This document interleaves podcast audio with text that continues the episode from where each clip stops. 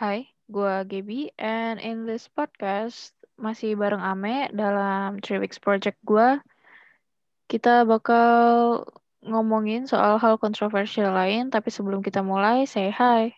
Hi guys, how are you today? Warning, di sini mungkin ada bahasa-bahasa kasar dan apa yang kita akan bicarakan mungkin agak sedikit eksplisit.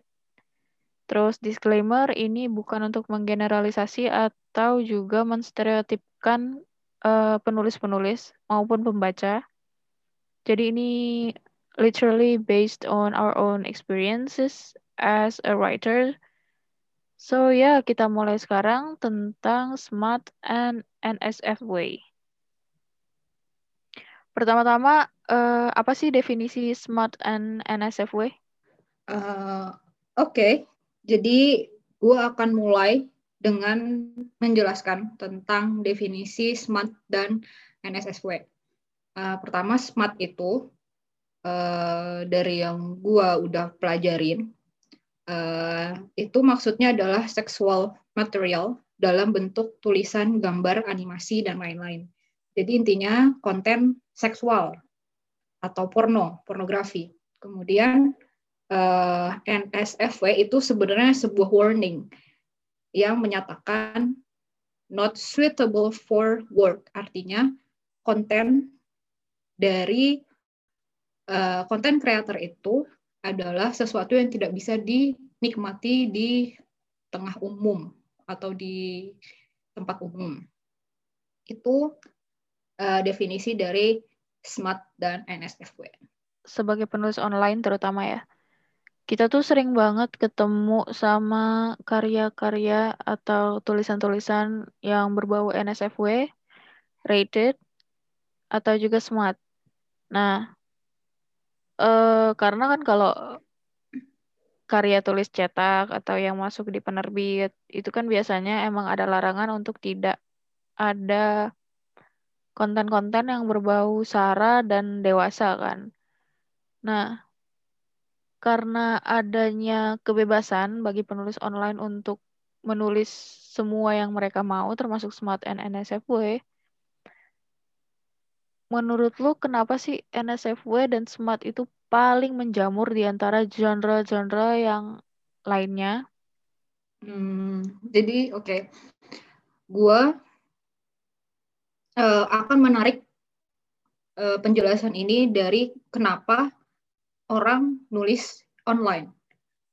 Jadi uh, satu orang nulis online itu karena efisiensi, kecepatan dalam seseorang mempublis karyanya. Jadi para penulis online tuh tinggal klik klik klik karya mereka bisa langsung tersebar luas.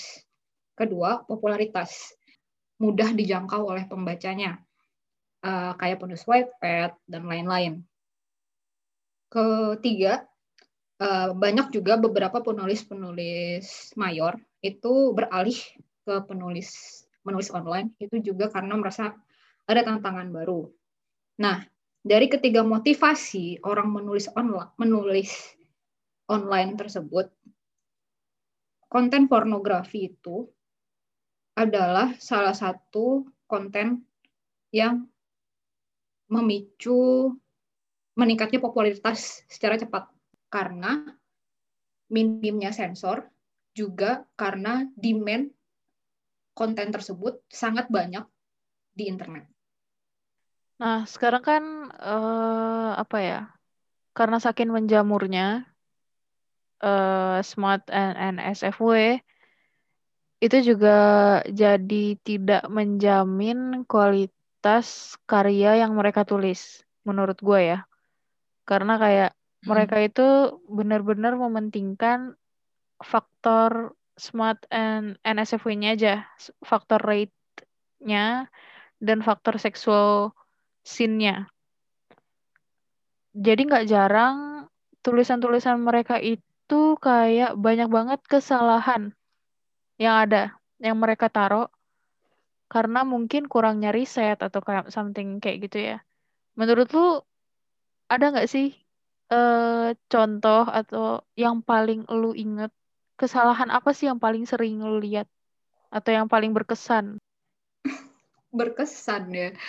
Um, paling banyak itu penulis online yang nulis NSFW atau SMAT di internet itu mereka tidak menggambarkan uh, adegan seks atau proses seks khususnya yang gay ya karena gua pribadi nulis konten seksual gay tidak sesuai dengan sebagaimana mestinya. Kayak beberapa hal misalnya preparation atau uh, after care dan lain-lain. Itu tuh sangat tidak ditunjukkan di dalam karya sastra mereka. Mereka hanya fokus pada uh, having sex orgasm and then done gitu jadi paling kesalahan paling gede itu itu Terus juga mungkin dari motivasinya tadi. Sebelumnya kan udah gue bahas motivasinya udah incar popularitas doang.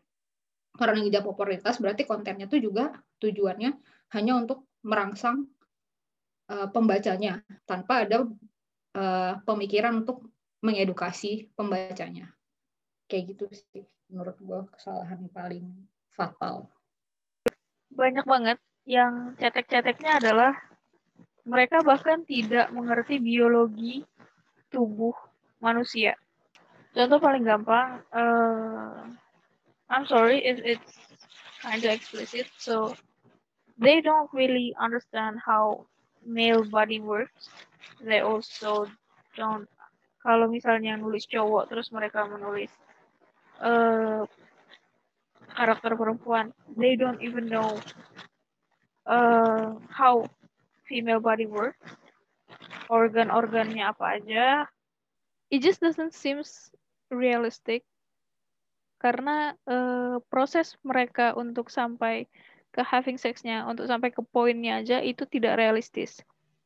Bisa ada yang uh, pace-nya cepet banget sampai kayak gue sebagai orang yang membaca segala jenis genre itu kayak what the fuck happened? You just meet someone and then you kiss and in a one second snap you did that. Kayak sangat tidak realistik. Ada juga yang terlalu lama terlalu lama sampai kayak well I get it. Some some writers want to you know put pride to their male characters dengan tanda kutip tahan lama tapi it also seems unrealistic saat selama itu gitu loh. Jadi kayak kalau misalnya kalian mau menulis soal NSFW atau SMART, tolong riset risetnya diperbanyak.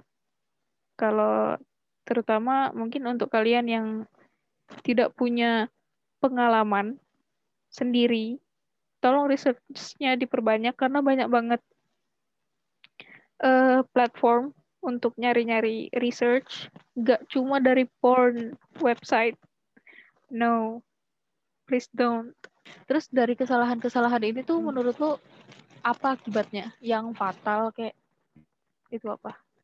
Untuk akibat sendiri ya gue paling banyak dapat dari teman bisex gue yang actually sexually active dan dia juga penikmat konten pornografi di internet, um, dia bilang kalau banyak banget penulis-penulis di internet itu tidak apa ya kayak gue bilang tadi itu jadi miskonsepsi dan misleading gitu tuh.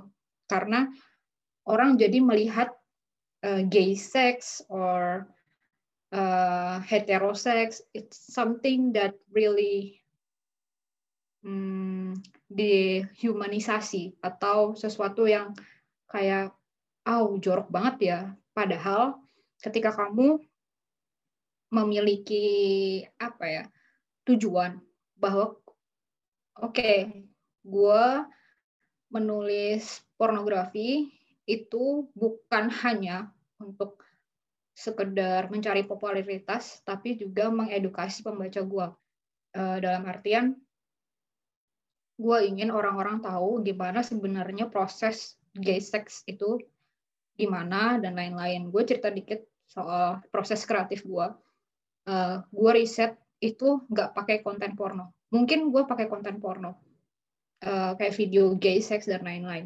Tapi gue lebih banyak riset ke orang real, ke temen gue itu. Jadi gue nanya bener-bener ke dia uh, in respect way, respectful way.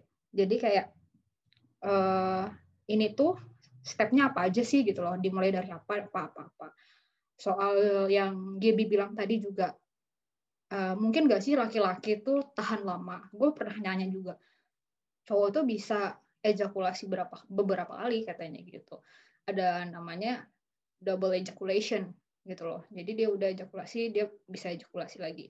Atau uh, kalau emang dia kuat, uh, kayak misalnya kalau cowok mabuk, dia akan lebih tahan lama karena dia tidak akan mudah terangsang kata teman gue kayak gitu. Jadi ada logik-logiknya yang membuat seseorang itu, oh dia tahan lama kenapa? Dia uh, lebih lama uh, orgasmenya kenapa kayak gitu tuh. Jadi hal-hal detail seperti itu tidak akan kamu dapatkan dari cuma nonton porno.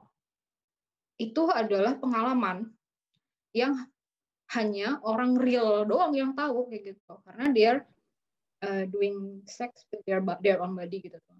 Jadi yang gue saranin adalah buat kalian yang mau nulis pornografi atau NSFW atau smart di internet, kalian benar-benar riset, benar-benar tujuan kalian adalah respect ke siapa pun objek dari tulisan kalian itu agar nantinya tuh tidak jadi misleading atau miskonsepsi di masyarakat sendiri gitu loh.